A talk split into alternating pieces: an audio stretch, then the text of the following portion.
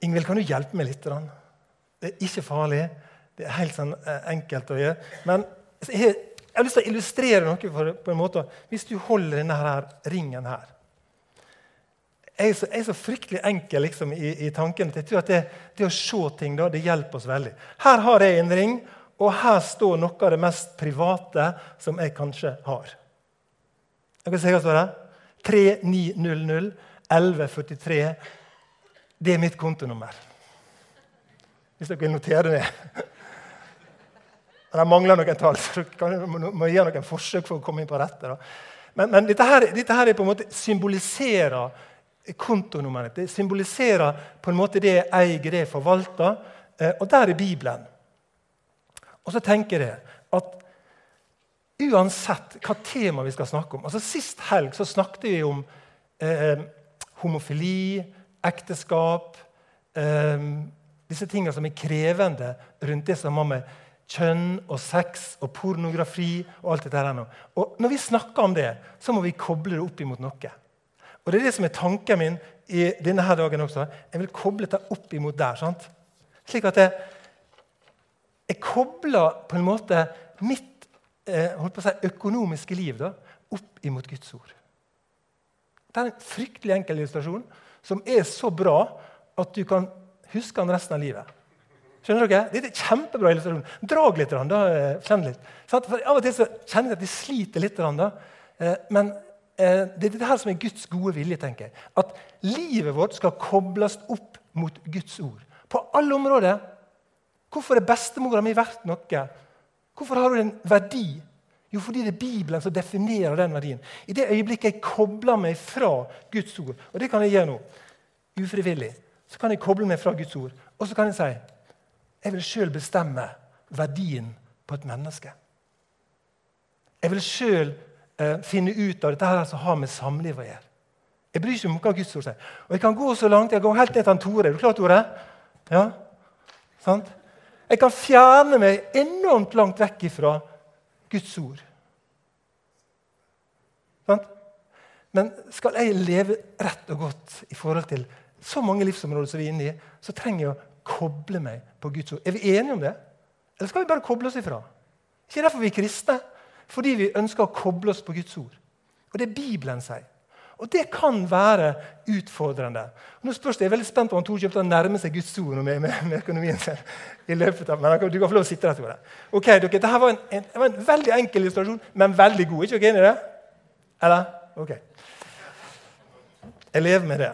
Jeg lever med det at En kan se litt forskjellig på det, men, men for meg er dette en sånn så grei måte å tenke på. Kobler jeg meg fra, da blir det opp til mitt eget på en måte ensomme liv og skulle bli verdt noe, f.eks. Som ungdom. Da må jeg kjempe en kamp som er så slitsom. Men kan jeg få lov å koble meg på Guds ord, så kan jeg få lov å hvile i at det er gitt en verdi av Gud. Og den er kobla sammen med menneskeverd og hva det skulle være. Det er liksom grunnmuren. Det kunne vi sagt om veldig mange temaer. Det kan hende jeg tar med meg en annen gang og skriver noe annet på den, men det er bare for å illustrere akkurat denne greia her. Har jeg bedt deg bønn? eller? Jeg har jeg det? Nei, sant, jeg har ikke det. Jesus, nå ber jeg om at du skal stige inn. Jo, jeg har bedt deg venn. Jeg ber deg til.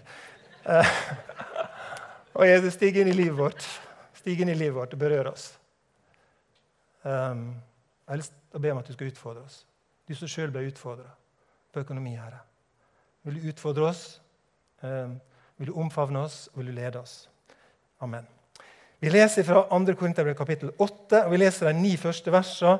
Og det står sånn Vi vil nå kunngjøre dykk søsken, hva nåde Gud har vist forsamlingene i Makedonia. For sjøl om de var, har vært hardt prøvd i sin nød, har den overstrømmende gleda og djupe fattigdommen deres gjort dem rike og villige til å gi. De ga etter evne. Det kan jeg vitne. Ja, over evne. Og det er frivillig. Inderlig ba de om å få være med på gåva sammen med oss i denne tjenesten for de hellige. Og de ga. Ikke bare slik som vi hadde håpa.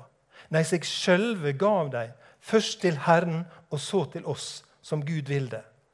Og Derfor ba vi Titus om å gjøre ferdig den gåva han alt hadde begynt på hos.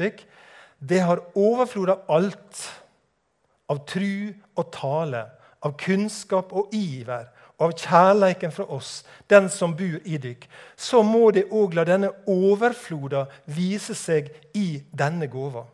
Jeg sier ikke dette som et påbud, men jeg nevner iveren hos de andre for å prøve om kjærleiken dykker er ekte. Det kjenner vår Herre Jesu Kristi nåde. At han for dykkers skyld ble fattig da han var rik, så det ved hans fattigdom skulle bli rike. Det er tekstavsnittet vi skal ta utgangspunkt i.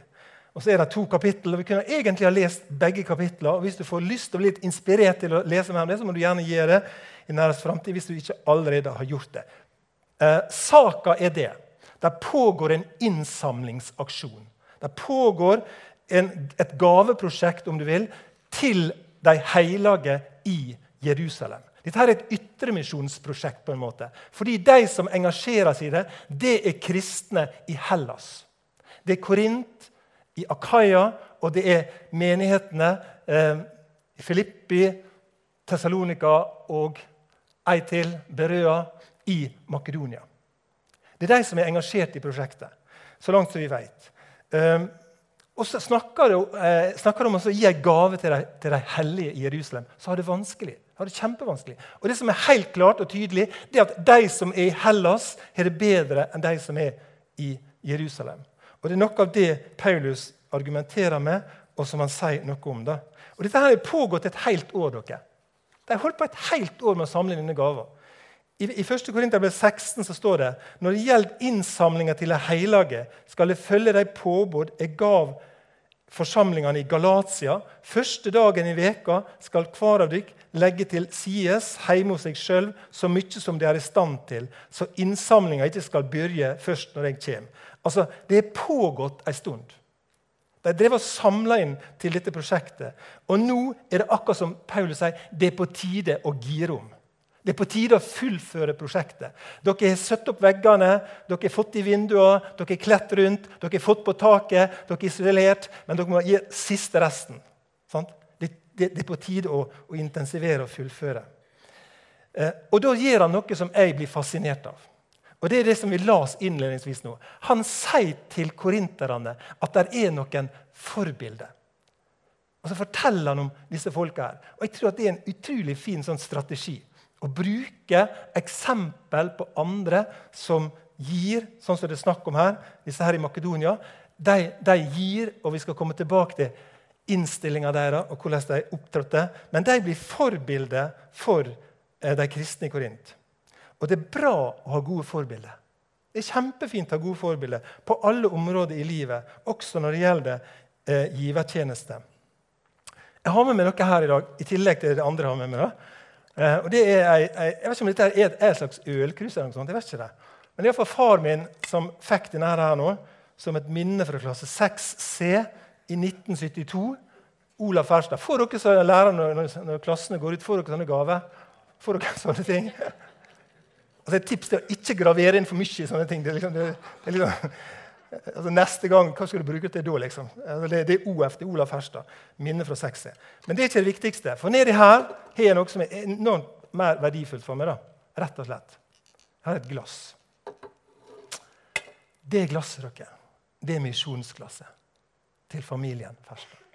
Dette glasset er misjonsglasset til Ingrid og Olav Ferstad. Her står det på lokket LL Sunnmøre Meieri karamellprim 450 gram. Og LL det er lutlaget. Sant? Det betyr egentlig AS. sant? Sunnmøre Meieri. Karamellprim.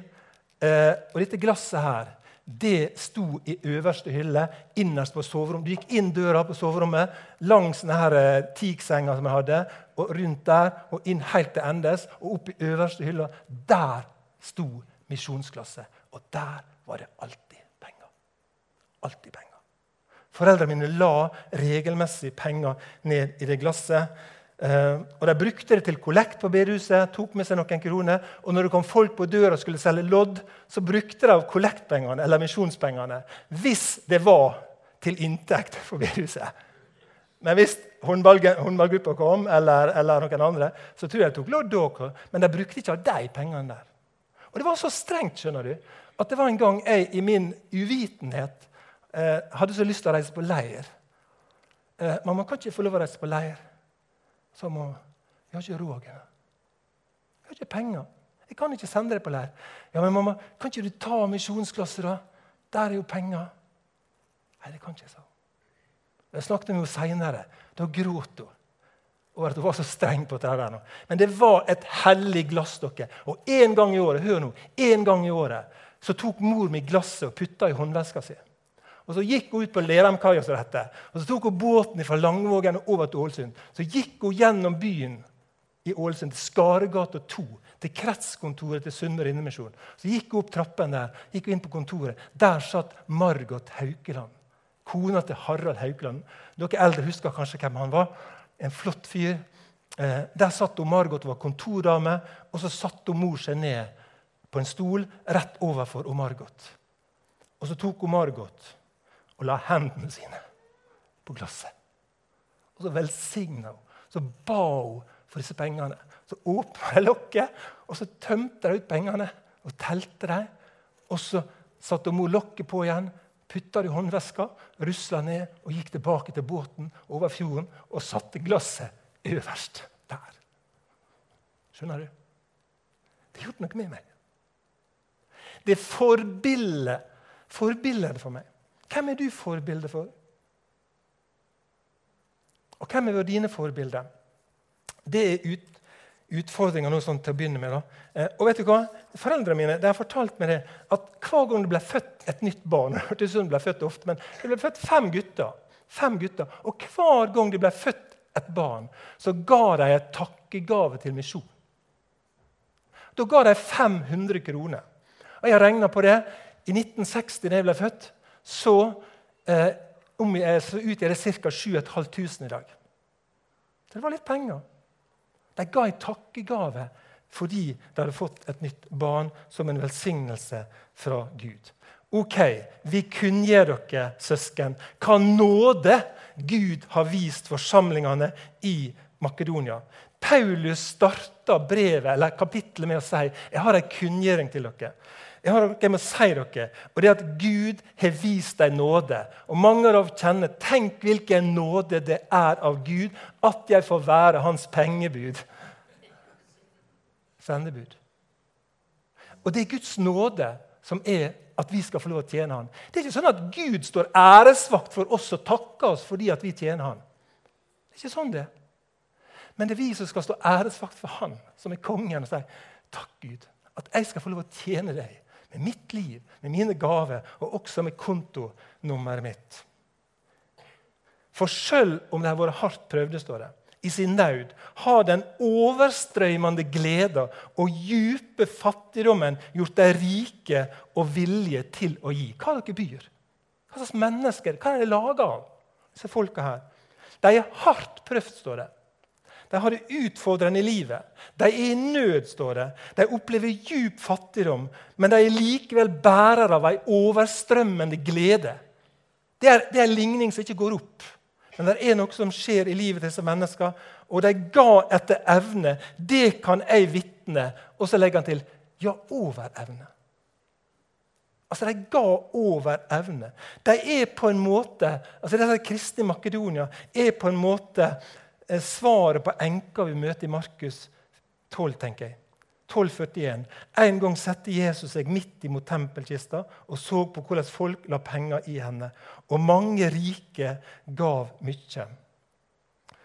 Så kom ei fattig enke.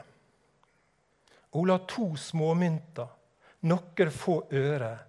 Da kalte han læresveinene til seg og sa.: Sannelig, sier dere, denne fattige enka har gitt mer enn noen av de andre som la i tempelkista. Det sa Jesus. For de gav alle av sin overflod, men hun gav av sin fattigdom alt det hun skulle leve av. Dette er sterkt, dere. Um, og dette her er kanskje liksom eksempelet som makedonierne følger på en måte. Uh, i, i, 11, i, vers 11 i kapittel 8 i, i 2. Korinterbrev står det nå, nå gjelder det å fullføre verket, liksom det var villige til å gå i gang men det må nå være vilje til å fullføre alt etter hvor mye det har, seg. La meg bare si det veldig klart. Vi har forskjellig. Og det, det tar Paulus eh, høgde for. Alt etter det dere har, eh, skal dere være med å fullføre verket. Og Samtidig vil jeg si det, vi kan legge opp til å ha lite også. Jeg husker jeg sa på en ungdomsleir for 40 år siden til noen ungdommer at dere må aldri ungdommer sier til deg, eh, dere må aldri eh, ordne dere slik i livet at dere ikke kan gi til Guds rike. For det kan du gjøre. Det er ingen, ingen kundeveileder i banken som sier ja, skal vi se, så var vi kommet til dette med fast givertjeneste. skal vi se. Tiende, eller hva er det du skal ha inn der. Det er ingen, ingen rådgiver i banken som spør om det. Det må du ha tenkt ut. Og Det å ordne seg, det går an å ordne seg, og det går an å komme i en situasjon som er vanskelig. Jeg har full forståelse for det. Men jeg tror det er lurt å tenke gjennom.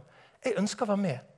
Jeg ønsker ikke å makse slik at jeg ikke kan være med og gi til Guds rike. Er det praktisk? Er, er det lovisk? Kan ikke være det. Skjønner ikke det? Um, og parentes dere, Jesus satte seg ved tempelkista. Det skal ikke jeg gjøre. Jeg skal, jeg, jeg skal, ikke følge deg, Jesus. Jeg følger ikke Jesus på noen punkt. Og det å sette seg ved tempelkista og se hva folk gir. på en måte. Men det gjorde Jesus, og han kunne gjøre det. Men jeg kommer ikke til å gjøre det. Um, og jeg vil være litt tydelig på det. hvis noen lurer på det. Jeg vet ikke hva folk i Straume gir. Og jeg vil ikke vite det heller. Jeg har ikke noe ønske om å vite hva mennesker gir. Jeg ønsker å være fri fra det. Jeg ønsker ikke å stå æresvakt for å si det sånn, da. Fordi noen gir mye, og noen ikke. Altså, det er ikke min sak. Men Jesus gjorde det. Og Jesus han fulgte med, og så sa han noe om hun som ga av det som hun skulle leve av. Og de gjorde det frivillig. Tilbake til Paulus og brevet. De ga etter evne. Jeg kan vitne over evne, og det frivillig. Sånn må det være. Sånn må det være. Jeg har ikke sans for at noen skal tvinges til å gi ei eneste krone. Det er ingen i menigheten i Filippi som ble tvinga til å gi noe. Men de gjorde det frivillig. De hadde noe i livet sitt som bare gjorde at de måtte være med, selv om de hadde det krevende. Um, og når vi kommer til kapittel 9, vers 7, så skriver Paulus hver må gi det han har bestemt seg for, i sitt eget hjerte. står det. Ikke av med ulyst eller tvang, for Gud elsker en glad giver. Og det, det, jeg synes det er kjempeflott at han skriver det. at han tenker det. Og Samtidig så må vi vite det, at når vi skal bestemme noe ut fra hjertet vårt, så er vi på litt gyngende grunn. Vi er det. For hjertet vårt, hva er det?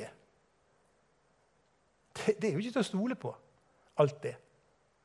Sånn er det, tenker jeg. Og sånn tenker Jeremia, profeten sjøl, sier at hjertet vårt er svikefullt mer svikefullt sier han, enn noe annet. Det kan ikke lekes engang. Hvem kan skjønne det? sier han. Så det er bare å tenke, ja, Vi skal bestemme oss ut for hjertet. Ja, det må hjertet være styrt av noe da, som er bra. må ikke det det?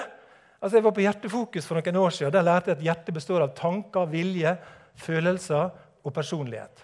Summen av hjertet. så sånn fire hjertekammer. Veldig enkelt sagt. da. Men det er noe vilje, det er noen følelser, det er noen tanker. Det er noe i personligheten som styrer det. Og Når Jesus sier noe om hjertet, så sier han faktisk det i, Matteus, i Markus 7 at fra hjertet kommer giverglede. Han sier ikke det. Men han sier at der kommer de vonde tankene. Sier han.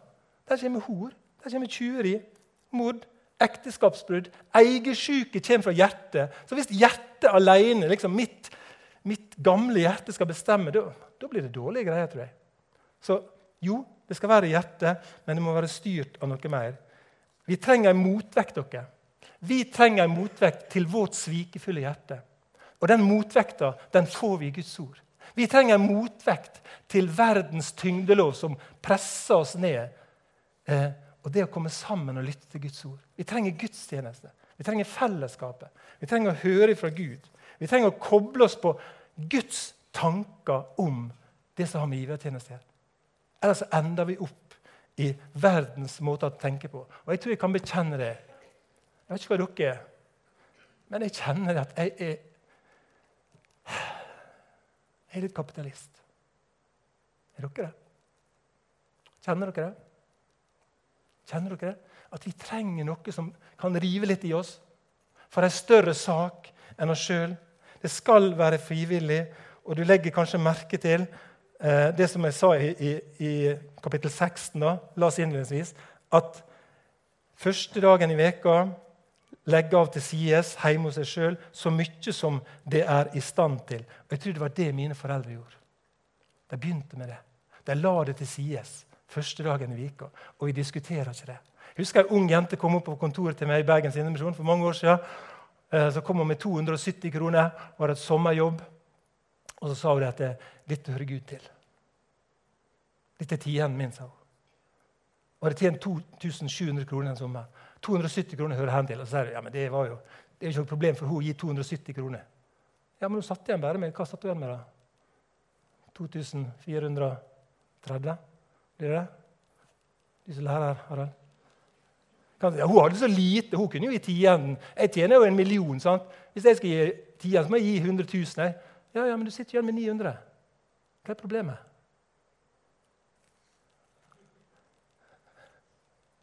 Jeg skal ikke være kjekk dere. Eh, jeg skal si bitte litt om tienden litt seinere. Men det er noe med uh, å, å, gi så mye som jeg er i stand til, og regelmessig. Første dagen i vika. Jeg tror det er noe fint med det. Og jeg kan være ærlig si Det det gikk noen år før jeg fikk system på denne regelmessigheten. Men jeg syns det er greit Jeg synes det er greit at det kontonummeret der har et trekk som går uansett om jeg er på gudstjeneste eller ikke. Det er greit å ha det, eh, som hører Herren til. Tidlig på 2000-tallet opplevde vi en del eh, kvoteflyktninger i Betlehem. Fra, fra li, Liberia og fra Sierra Leone. De kom til forsamlinga, og En søndag så utfordra jeg Eh, på at vi svært gjerne skulle hatt et tolkeutstyr, slik at vi kunne ha sånn simultanoversettelse. Oversette til engelsk til disse fra Sierra Leone og Liberia. Etter møtet så kommer en eldre mann bort til meg og så sier han, hva snakker vi om. Hva trenger du? Hvor mange tusen er det? Og Så sa jeg hvor mange det var. Jeg husker ikke, det var sånn 20 22 000 kanskje. Um, noen dager seinere dukka samme mann opp på kontoret i Bergens Indremisjon med en bunke tusenlapp i neven. Og så sier han nå har Gud og jeg blitt enige. Tenk på det. Nå har han diskutert det, nå har han bedt, og så kom han med en bunke tusenlapper.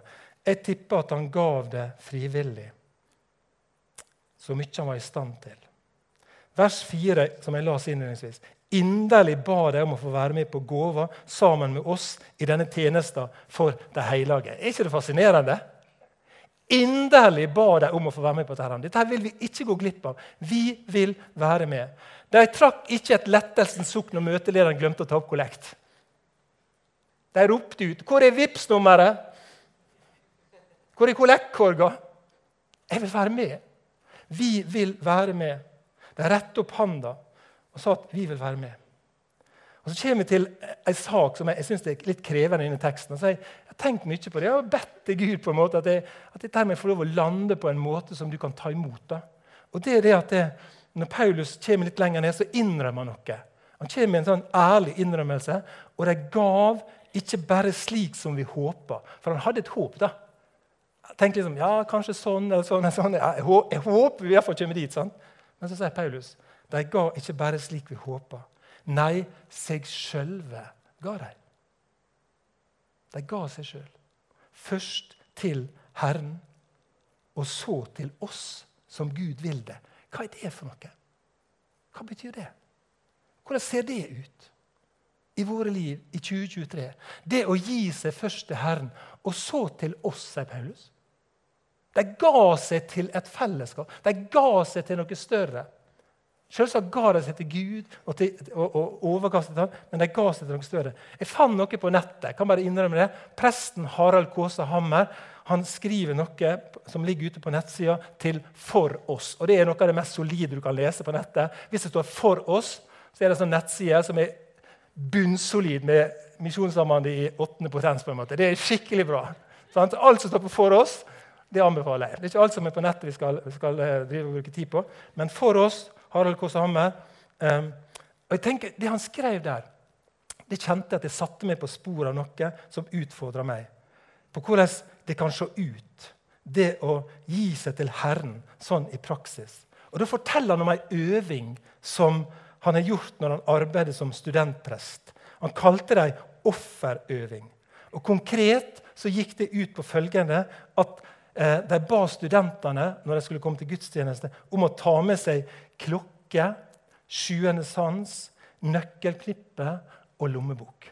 Fire ting. Um, I dag hadde det kanskje vært mobiler og kodebrikker og bankkort og apper. jeg vet ikke hva du skal ta med deg, som på en måte hjelper oss. Noen har ikke nøkler til bil. og sånne ting. Sant? Det, det er liksom, ja, Uansett, da, det var de fire tingene. Og Studentene ble instruert i hvordan én etter én skulle gå fram til alteret og legge de fire gjenstandene på alteret. Så skulle de tegne et kors over disse gjenstandene. Og så skulle de tegne et kors over sitt eget liv. Og Det er jo ikke noe som vi holder på med sånn veldig i Indremisjon. Og kors og sånt. Det er jo ikke det. Eh, men hvorfor skal ikke vi tegne Jesu merke over livet vårt innimellom? Vi gjør det på små barn når vi døyper. Eh, for det skal tilhøre Kristus. Det var det som var poenget. De korsa lommeboka, nøkkelknippet.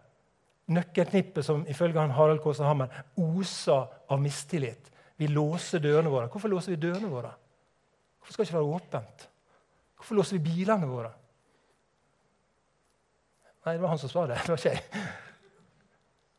Men så ga de det til Gud, og så tok de det tilbake. Og så er spørsmålet hvordan kjennes det nå?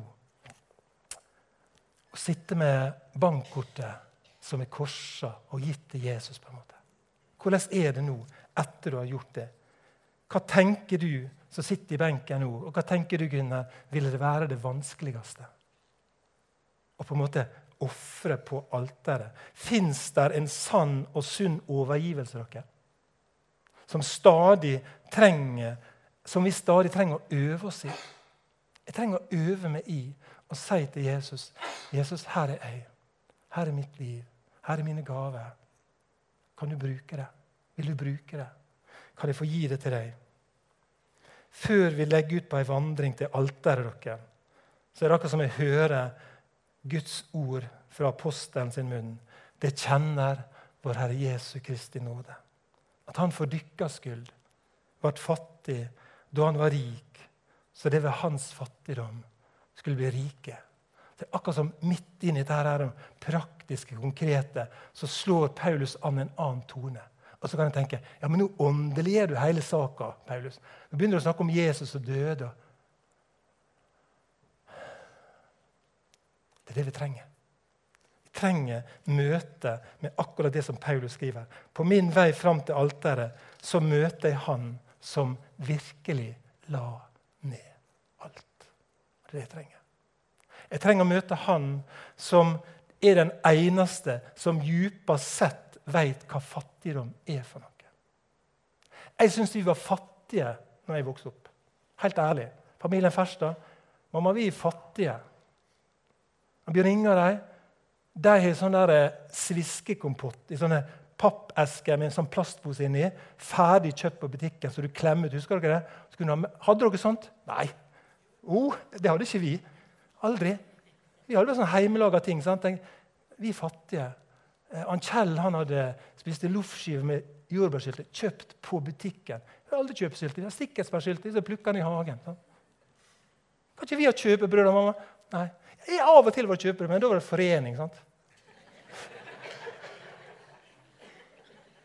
Jeg arva klærne etter søsknene mine. Mor mi hadde en sånn symaskin.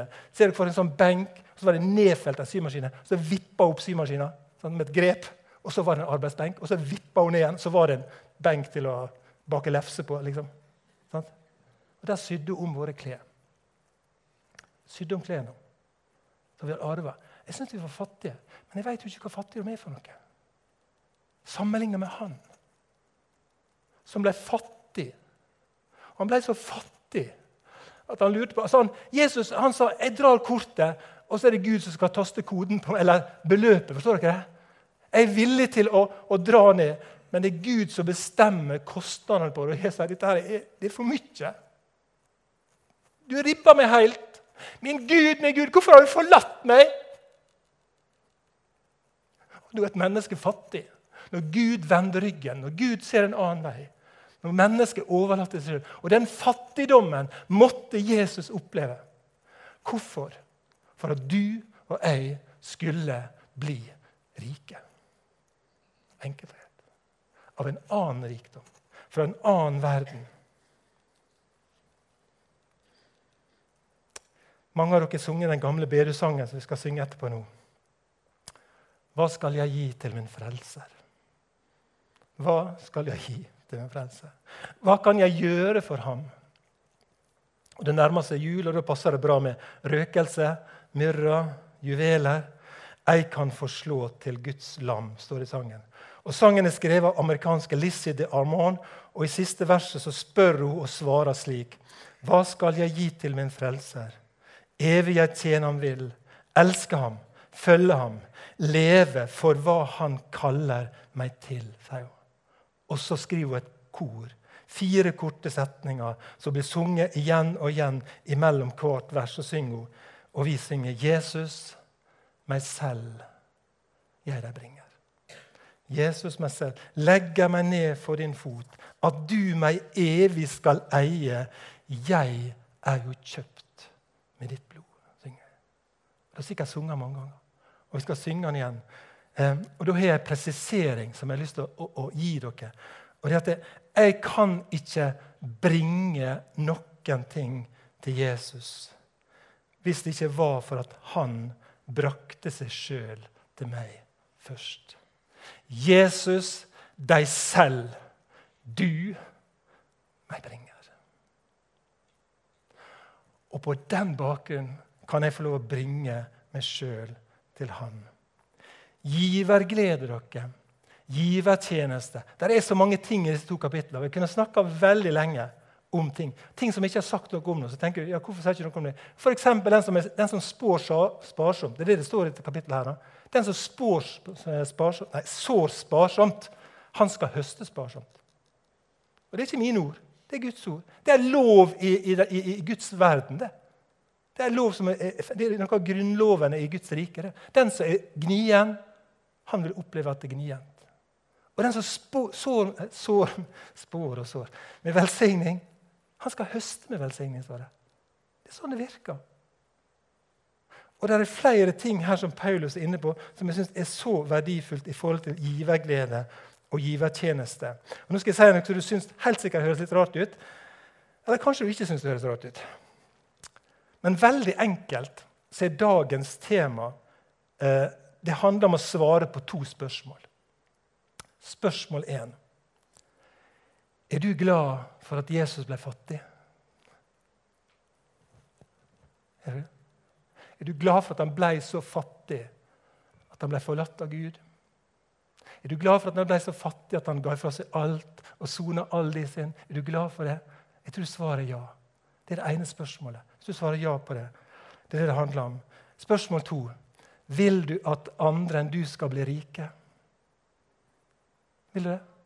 Vil du at andre skal få del i den rikdommen? Jeg tenker at Djupest sett handler giverglede og og givertjeneste om en takknemlighet til han som ble fattig, for at flere skal bli rike. Det er det det handler om. Og jeg tror her er unått land dere. Jeg tror vi kan nå lenger. Jeg tror at Straumefor, Ikke for å bli store, men jeg tror vi kan nå lenger med mer penger i kassa. Jeg tror det. Det er ikke nødvendigvis opplagt at det blir sånn, men jeg tror vi kan nå lenger. Vi kan nå flere ved å ha det sånn. Vi kan eh, sørge for at flere unge mennesker blir bevart. Vi kan sørge for at flere unge mennesker blir disippelgjort. Vi kan bruke pengene på en måte som gjør at flere blir rike. Dersom du svarer ja på disse to spørsmålene, eh, vil Jesus lukke deg inn i all din til tilkortkommenhet som du har. All vår lunkne iver, all vår sjølopptatthet, og inn i nådens rom. dere. Og det er vår redning. Bli favna av Guds nåde. Og hører vi godt etter, hører vi godt etter der inne i nådens rom, så hører vi kanskje Jesus sine ord fra Lukas 16. Og jeg siterer oversettelsen i Hverdagsbibelen pluss. Der sier Jesus.: Bruk pengene deres på en slik måte at dere velsigner andre og hjelper andre å finne veien til Gud. For da vil dere bli ønsket velkommen inn i Guds evige bolig, den dagen pengene på jorden har mistet sin verdi. Skrekkscenario. Men det vil skje. Bruk dem på den måten. Å bli lukka inn i nådens rom det er også å bli lukka inn i velsigninga sitt rom. Jeg er nødt til å si litt om det nå mot slutten. da. Nå går jeg, inn er jeg liksom Hører dere den lyden når de på fly? liksom, zzz, nå går landingshyla ned? på en måte, vet, nå nærmer vi oss. Om det er aldri så mye tåke og aldri så uklart, så, så nærmer vi oss landing. Sant? Og Vi blir lukka inn i velsigninga sitt rom. I 2. Korinterbrev 9 så setter Paulus ord på noe av ja, hva er denne velsigninga. Jeg hørte noen som sagt det at jeg, når, jeg, når jeg begynte å gå tiende, så, så, fikk jeg mer penger. Jeg tenker, jeg vet ikke om jeg tror på det. Er det sånn at Hvis jeg begynner å gi mye, så bare får jeg mer og mer? Nei, Jeg snakka med mennesker som har gitt til grenser av hva de kunne tåle. Enka ga det hun skulle leve for. Hun fikk kanskje med noen andre. Men jeg tror ikke at det er sånn nødvendigvis at velsignelsen er at jeg skal bli rikere. Det er herlighetsteologi. Da lover vi mer enn kan holde. Jeg tror rett og slett motsatt. og nå er jeg litt ute av manus her, beklager, men, men, jeg tror rett og slett det er en velsignelse noen ganger og det kan høres sånn eplekjekt ut, men det er en velsignelse noen ganger å måtte klare seg med mindre. rett og slett. Det er noe godt i det. Å kunne måtte klare seg med litt mindre. Men noe av velsignelsen som Paulus setter ord på veldig tydelig i, 2. Korinterbrev 9, er, eh, fra vers 11 Det skal være rike på alt, som det gjerne vil gi, og så står det, skal takkseiinga stige opp til Gud når vi ber fram gaver. Altså, Tenk dere den situasjonen. Etter ett år, innsamlinga over. Nå reiser vi til Jerusalem, og så kommer vi med gaver. Og det er kameler og hester og vogner. ikke hva det er. Så toger de inn der, og så kommer de og så overgir de gaver. Og så bare skjer det. I det øyeblikket gaver blir gitt, så skal takkseiinga stige opp til Gud. Da begynte folk å prise Gud. De takka Gud for det som hadde skjedd. Um, når vi ber fram gaver. For denne tjenesten fortsetter Paulus, ja, gudstjenester kaller det. Ja, hva er gudstjeneste? Vi skal jo snakke litt om det. Dette her er en gudstjeneste. På lik linje med mange andre ting. Du tjener Gud med forvaltninga di. Det er en måte å tjene Gud på. Uh, og Det er ikke bare hjelp til å hellige i deres nød. Hun skal òg skape overflod av takkebønner til Gud Legg merke til det.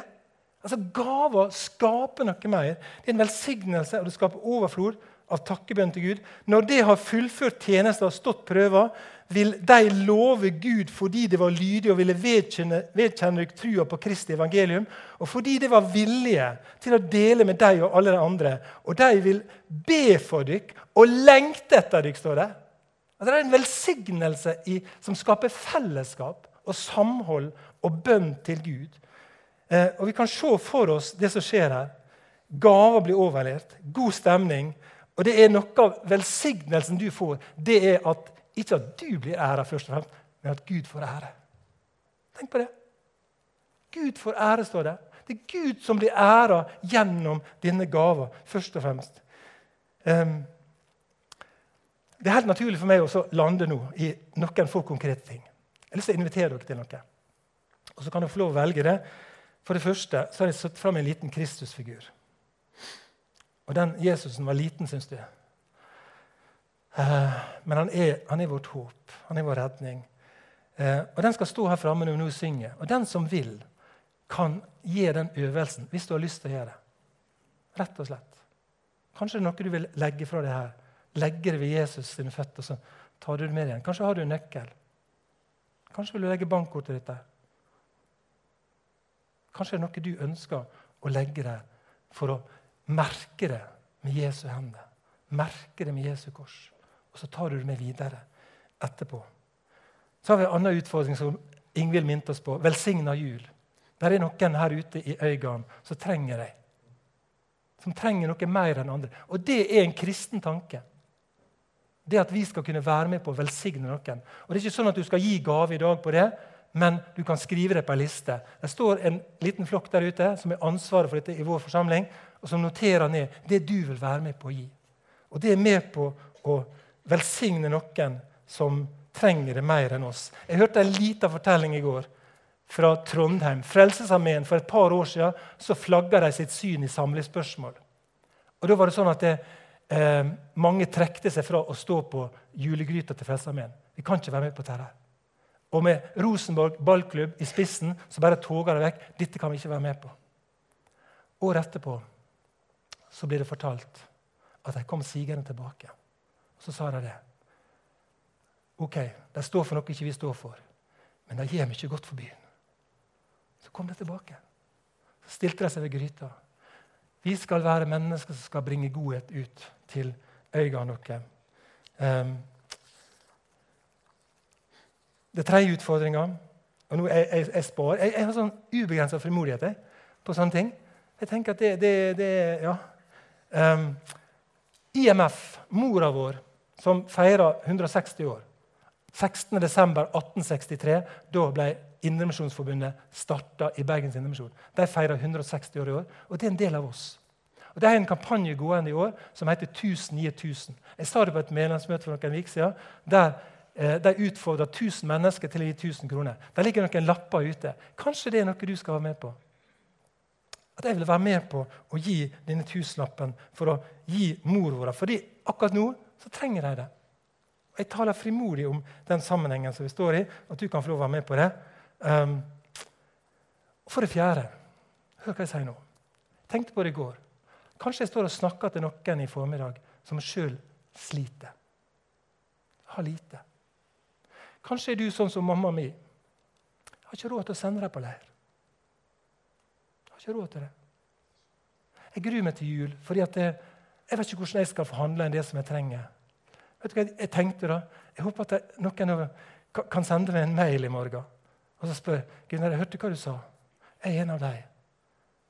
Og da håper jeg at dere svarer ja, det vil vi gjøre noe med. Vil ikke vi det? En familien vår. Er ikke dere med på det? Ja. Jeg ønsker at vi skal være et fellesskap. Jeg skulle gjerne hatt en konto jeg, som var til bruk for dere? Kanskje vi må ha det inn i budsjettet neste år. dere. Og Det siste jeg skal si noe om, som er konkret, før jeg skal helt lande, det er at vi utfordrer på fast givertjeneste her i fellesskapet. Du som er fast giver, kan gå inn og så kan du justere beløpet enkelt i nettbanken. Du som ikke er det, vil få et skjema utgangen av døra, og det er frivillig. Kan du fylle ut et skjema og så kan du si jeg vil være med på prosjektet fordi jeg ønsker at flere skal bli rike. Jeg ønsker at flere skal få del i evangeliet. Jeg var på et heimebesøk dere for noen dager siden. Satt i stua og prata med foreldre. Og helt ut av det blå så hørte jeg helt tydelig og klart at de begynner å synge. Og vet du hva de sang? Tre barn ute i gangen med handa på hjertet. Ja, vi elsker det. Hva slags familie dette er. De begynte å synge nasjonalsangen. Ja, vi elsker dette landet! Og så tenkte jeg Vi mennesker som er glad i Jesus, er ikke det? Vi elsker folket. Og vi ønsker å være med og spre evangeliet dere. Helt til slutt Oi, oi, oi. Dette glasset her, det ruller av stolen på Bømlo bedehus ned på flisa og knuste. Jeg måtte teipe det sammen. Men det har en sånn affeksjonsverdi for meg. I mine mørkeste stunder, når huset var tomt, så lista jeg meg inn på soverommet, rundt nære senga, innerst i kroken, åpna skapdøra og tok. Jeg stjal av misjonspengene. Kjøpte meg tyggis, lakris. Spiste og svelte så fort jeg kunne. Skjønner dere? Jeg har bekjent det til mor mi i ettertid. Men så har jeg tenkt det. Jesus blir utfordra på noe. Kaller fariseere, skriftlærde hyklere. Dere gir tiende av mynt og karve og anis. Um, men dere, dere utelater det som er viktigere. Så sier han, Det ene skal gjøres, det andre skal ikke utelates. Han sier faktisk noe om at det, det er noe vi skal gjøre. Og Det blir utfordringa. Ikke å ta av dette glasset, men jeg ønsker å være med og fylle det. Skal vi være enige om det? På ulike måter, eh, med ulike forutsetninger. Herre, takk fordi du er her, og takk fordi du ønsker å, å bry deg om også livet vårt som handler om eh, forvaltning. Og vi ber deg om å investere herre, i ting som har betydning for evigheten. Om du trenger å riste litt i oss her, om du trenger å utfordre litt, så vil jeg si ja til det. I ditt navn. Og hele folket, reiser. Amen.